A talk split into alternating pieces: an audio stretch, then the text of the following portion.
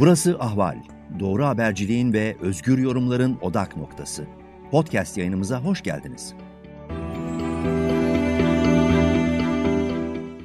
Merhaba sevgili Ahval dinleyicileri. Yeni bir Ankara rüzgarında ben Zülfikar Doğan, Türkiye gündemini değerlendirmek, olayları e, yorumlamak üzere karşınızdayım. Bu hafta içerisinde iki ekonomik gelişme yaşandı. Daha önce sizlerle bunu paylaşmıştım bir önceki programda hem enflasyon rakamları açıklanacaktı hem de Merkez Bankası'nın para politikası kurulu toplantısı vardı. Merkez Bankası'nın açıkladığı enflasyon rakamlarıyla e, tüketici fiyatları enflasyonu e, yıllık bazda %17,1'e yükseldi. Bunun yanı sıra özellikle üretici fiyatlarındaki artışın %35'in de üzerine çıkması ve üretici tüketici makasının iyice açılması önümüzdeki aylarda enflasyonda e, daha ciddi yükselişlerin habercisi olarak yorumlanıyor. Bunun yanı sıra Merkez Bankası da 6 Mayıs'ta para politikası kurulunu topladı. Ve çünkü önümüzdeki haftadan itibaren Ramazan sona eriyor ve Ramazan bayramı başlıyor. Tatil nedeniyle toplantı öne çekilmişti. Burada da e, daha önce belirttiğim gibi politika faizinde bir değişiklik olmadı. %19 faizle devam edilmesi kararlaştırıldı. Ama şöyle bir baktığımız zaman 3 aydan bu yana politika faizi %19'da sabitlenmiş durumda. E, bu da e, enflasyondaki e, artışla beraber politika faizi enflasyon farkının e, giderek azalmasını beraberinde getiriyor. O yüzden de Merkez Bankası Başkanı Şahap Kavcıoğlu'nun e, enflasyonu düşürme konusundaki e, vaatleri, bu yöndeki yaklaşımını biraz daha ertelemesi gerekecek. E, tabii ilginç bir gelişme. Türkiye İstatistik Enstitüsü'nün e, verileriyle ilgili tartışmalar uzun süredir devam ediyor. Son e, birkaç yılda üç başkan düzen değişti. Özellikle enflasyon ve işsizlik rakamları ile ilgili tartışmalar vardı. Bu güvensizliği ortadan kaldırmak üzere e, bir grup bilim insanı enflasyon araştırma grubu adı altında e, bir hesaplama e, grubu oluşturdular. TÜİK'in aynı yöntemiyle ve TÜİK'in sepetiyle onlar da enflasyon hesaplayarak e, rakamları açıklamaya başladılar. Fakat bu e, gerçek enflasyon rakamları olarak ENAK tarafından, enflasyon araştırma grubu tarafından açıklanan rakamlar e, tartışmaları beraberinde getirdi. Çünkü TÜİK'in resmi verileriyle e, bilim insanlarının yaptığı bu çalışma arasında çok ciddi rakam farkları ortaya çıktı. Şimdi bunun üzerine e, Türkiye İstatistik Kurumu'nun e, ENAG'ı e, oluşturan bilim insanları hakkında suç duyurusunda bulunduğunu açıkladı. Hazine ve Maliye Bakanı Lütfi Elvan. E, şöyle bir baktığımız zaman tabii ortada e, her birisi Türkiye'nin önde gelen istatistikçileri, matematikçileri, iktisatçılarından oluşan e, onlarca bilim insanını bir araya getiren bir grup var. Bu grubun yine Türkiye İstatistik Kurumu'nun enflasyon sepetini esas alarak yaptığı bir çalışma var. Diğer taraftan da TÜİK'in kendi açıkladığı rakamlar var. Fakat arada çok büyük bir fark söz konusu. Zaten enflasyonla ilgili e, toplumsal algı, insanların e, çarşı pazardaki marketlerdeki algısı da bu yönde. TÜİK'in rakamlarına da bu nedenle güvensizlik oluşmaya başlamıştı. E, pazarda markette fiyatlar %30-40'lar seviyesinde artarken e, enflasyonun %17 olarak açıklanması tereddütler yaratıyordu. Şimdi tabii bunun yine e, bir yargı e, aracılığıyla üzerine gidilmesini e, benimsedik görünüyor hükümet.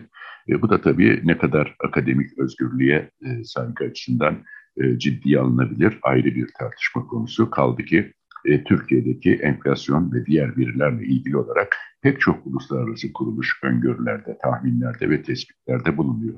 E, Türkiye'deki verilerle ilgili e, tartışmaları gündeme getiriyorlar. İşte Dünya Bankası olsun, Uluslararası Para Fonu olsun, e, Türkiye'deki enflasyon ve diğer makroekonomik göstergelere ilişkin tahminleri açıklanan resmi enflasyon ve diğer verilerle çok ciddi farklılıklar gösteriyor. O zaman IMF'ye, Dünya Bankası'na ya da e, diğer e, uluslararası kuruluşların yaptığı bu çalışmalara karşı da yargı yoluna mı gidilecek sorusunu sormak e, mümkün hale geliyor.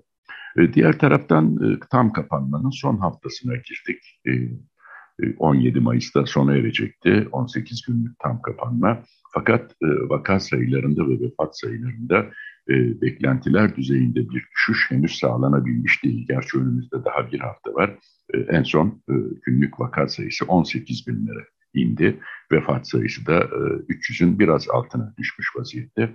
Başlangıçta hedef 17 Mayıs itibariyle vaka sayılarını günlük 5000'in altına düşürmekti. Şimdi Ankara kulislerinde şayet bu hedef tutmazsa 19 Mayıs Atatürk'ü anma ve Gençlik Bayramı'nı da kapsayacak şekilde e, tam kapanmanın bir hafta daha uzatılması ihtimali konuşuluyor. Önümüzdeki hafta başında e, Cumhurbaşkanlığı kabinesi toplantı yapacak. E, bunun öncesinde bu hafta da yine bir değerlendirme e, gerçekleştirilecek. E, tüm bunların sonucunda siyasi kulislere yansıyan bilgiler bir hafta daha uzatmanın devam edip kapanmanın devam edeceği yönünde. Fakat Cumhurbaşkanı Yardımcısı Fuat Oktay ve İçişleri Bakanı Süleyman Soylu bu konuda şu ana kadar böyle bir uzatmanın henüz gündeme gelmediğini açıkladılar. Onu da önümüzdeki günlerde Cumhurbaşkanı'nın başkanlığında kabine toplantısından sonra yapılacak değerlendirmelerden anlayacağız. Tabii bu tam kapanmanın asıl hedefi e, turizmdi. Çünkü e, Türkiye'nin çok ciddi döviz açığı var, dövize ihtiyacı var. Hükümet bir an evvel e, turizmi açmak istiyor, ülkeye turistlerin gelmesini istiyor. Ama Mart ayı başında e, gerçekleştirilen e, normalleşme bir anda bütün bu hesapları alt üst etti. İşte AKP'nin, MHP'nin büyük kongreleri yapıldı. Oldukça kalabalık kongreler bunlar ve ondan sonra da e, salgın bir anlamda kontrolden çıktı ve 60 binlerin üzerine doğru hızla ilerledi. Şimdi turizm sezonunda tabii otomatik olarak Mayıs ayından ileri tarihlere sarktı. Tam kapanma sonrasında e, Haziran gibi sezonun açılması bekleniyordu. Fakat dediğim gibi vaka sayılarında beklenen iyileşme olmayınca şu anda turizm sezonunun e, ancak Ağustos ayında açılabileceği dile getiriliyor. Tabii hükümet de bu yöndeki arayışlarını sürdürüyor. E, Dışişleri Bakanı Mevlüt Çavuşoğlu Berlin'deydi hafta içerisinde. Almanya'ya güvence verdi. Turizmin, turistlerin karşı karşıya geleceği herkes aşılanmış olacak dedi. Bu konuda Türkiye'ye güvenebilirsiniz. Vatandaşlarınızı Türkiye'ye tatile gönderebilirsiniz dedi. Ancak Alman muhatabı Heiko Maas e, bunu değerlendireceklerini, Türkiye'deki vaka sayılarına ve aşılama oranlarına bakacaklarını dile getirdi. Dolayısıyla Almanya şu aşamada biraz zor görünüyor. İkinci en büyük turist kapısı Rusya. E, Rusya'da biliyorsunuz Haziran başına kadar Türkiye'ye seyahat kısıtlaması getirdi e, uçaklar kalkmıyor. E, önümüzdeki günlerde Mevlüt Çavuşoğlu ve Sağlık Bakanı Fahrettin Koca'nın bu kez Moskova yoluna çıkması bekleniyor. E, Rusları ikna etmeye çalışacaklar Haziran'dan sonrası için en azından Türkiye'ye turist gönderilmesi için. Fakat tabii bir taraftan e, tam kapanma e, süreci ve vakalar düşürülmeye çalışılırken e, diğer taraftan da aşı konusundaki açmaz devam ediyor. Oysa bu süreç e, aşı kampanyasının hızlandırılması amacıyla değerlendirilebilirdi. Elde aşı olmadığı için bu hayata geçirilemedi. O yüzden de bir taraftan turist gelsin diye hükümet çaba gösterirken, başkentlere e, bakanlar ziyaretlerde bulunurken, diğer taraftan bu hafta ardarda iki e, ülkeden daha Türkiye ile ilgili kısıtlayıcı kararlar geldi. İngiltere Türkiye'yi kırmızı listeye aldı ve Türkiye'den gelenlere 10 e, gün otelde karantina uygulayacağını açıkladı. Hatta vatandaşlarını da 29 e, Mayıs'ta İstanbul'da oynanacak Şampiyonlar Ligi finaline gitmemeleri çağrısında bulundu. Aynı şekilde Fransa'da 8 Mayıs'tan itibaren e, Türkiye'den gelenlere e, en az 10 günlük karantina uygulanacağını duyurdu. Tabii bu da e, Fransa'dan, İngiltere'den Türkiye'ye gelecek turistleri, iki ülke arasındaki karşılıklı seyahatleri kısıtlayıcı etki yapacak. O yüzden de e, turizm sezonunun e, açılmasının Ağustos'a kadar sarkması biraz gerçekçi bir yaklaşım olarak görülüyor. Kaldı ki Ağustos'tan sonra açılacak sezonunda e, Türkiye'deki turizme ve döviz geliri beklentisine katkısı e, beklentileri karşılamayacak düzeyde olacak. E, çünkü bu yıl için hedef en az 31 milyon turist 20 milyar doları aşkın e, turizm geliriydi. Şu anda bu hedef büyük ölçüde e, boşluğa düşmüş vaziyette. Siyaset cephesine döndüğümüz zaman iktidarla muhalefet arasında e, sosyal medya üzerinden kapışma devam ediyor. Cumhuriyet Halk Partisi'nin 128 milyar dolar nerede kampanyasına karşılık e, AKP bu hafta bir çizgi film animasyonuyla e, yanıt vermeye çalıştı. Fakat e, animasyonun içerisinde özellikle e, 128 milyar dolarla ilgili sıkça e, soruların inelenmesi e, bir anlamda ters tepki diyebiliriz. Hatta CHP e, AKP'nin animasyonunu kendi resmi web sitesine de koydu, yayınladı ve e, ertesi gün AKP bu videoyu yayından kaldırdı, hesaplardan da sildi.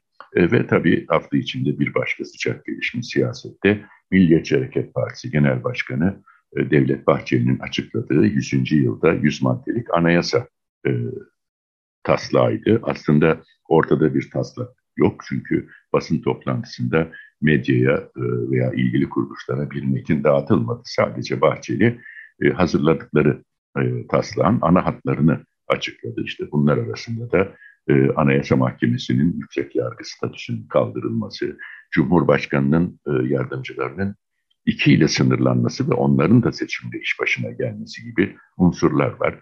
E, yine Yüce Divan olarak yeni bir yargı kurumu oluşturulması, liyakat kurumu olarak bir e, yeni kurum yapılanmasına gidilmesi gibi bir takım e, şeyler var bu e, Bahçeli'nin açıkladığı ana hatlar arasında. Fakat siyasi kulislere yansıyan bilgilere baktığımızda da e, taslağın içerisinde Cumhurbaşkanı seçimlerinde e, zorunlu oy oranının yüzde 50 artı birden yüzde 40'a düşürülmesini içeren bir düzenlemenin yer aldığı öne sürülüyor. E, kaldı ki Milliyetçi Hareket Partisi'nin ana hatlarını açıkladığı bu taslak e, iktidar ortakları daha doğrusu iktidar ittifakı içerisinde de e, tartışma yaratmış görünüyor. Çünkü AKP'den çok fazla bir tepki gelmedi. AKP sözcüleri, yöneticileri suskun kalmayı tercih ettiler.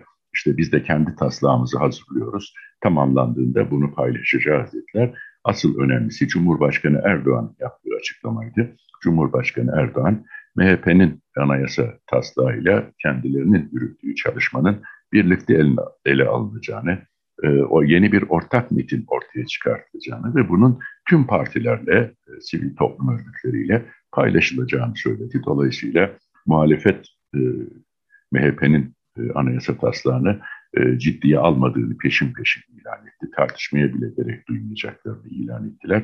Çünkü e, MHP lideri Bahçeli e, yeni anayasayla Cumhurbaşkanlığı hükümet sisteminin tahkim edileceğini, güçlendirileceğini ve kalıcı hale getirileceğini savunuyordu. Oysa e, muhalefet partilerinin temel yaklaşımı e, bu sistemin Türkiye'yi yönetilemez hale getirdiği ve e, güçlendirilmiş parlamenter sisteme geri dönülmesi yönünde. O yüzden de e, ortak uzlaşı ile bir sivil anayasanın yapılması ihtimali şu anda oldukça zayıf görünüyor. O yüzden de muhalefet e, MHP e, bu öneriyi işte ülkedeki siyasi krizler, enflasyon, ekonomik zorluklar, e, yoksulluk, hayat pahalılığı, işsizlik gibi halkın asıl yakıcı sorunlarının e, gündemden düşürülmesi, tartışılmasının önlenmesi amacıyla ortaya attığı görüşünü dile getiriyor muhalefet sözcüleri. Evet sevgili izleyiciler, dinleyiciler, e, sizlere Ankara Rüzgarı'nda şimdilik aktaracaklarım bunlar, yorumlayacağım konu başlıkları bunlardan ibaret. Yeni sıcak gelişmeler oldukça ben Zülfikar Doğan, yeni Ankara Rüzgarı programlarında tekrar karşınızda olacağım. Şimdilik hepinize hoşçakalın diyorum sevgili ahval dinleyicilerim. Ahval podcastlerini tüm mobil telefonlarda Spotify, SoundCloud ve Spreaker üzerinden dinleyebilirsiniz. Apple iPhone kullanıcıları bize iTunes üzerinden de ulaşabilir. Türkiye'nin ve hayatın cıvıl cıvıl sesleri Ahval Podcast dizisinde. Kulağınız bizde olsun.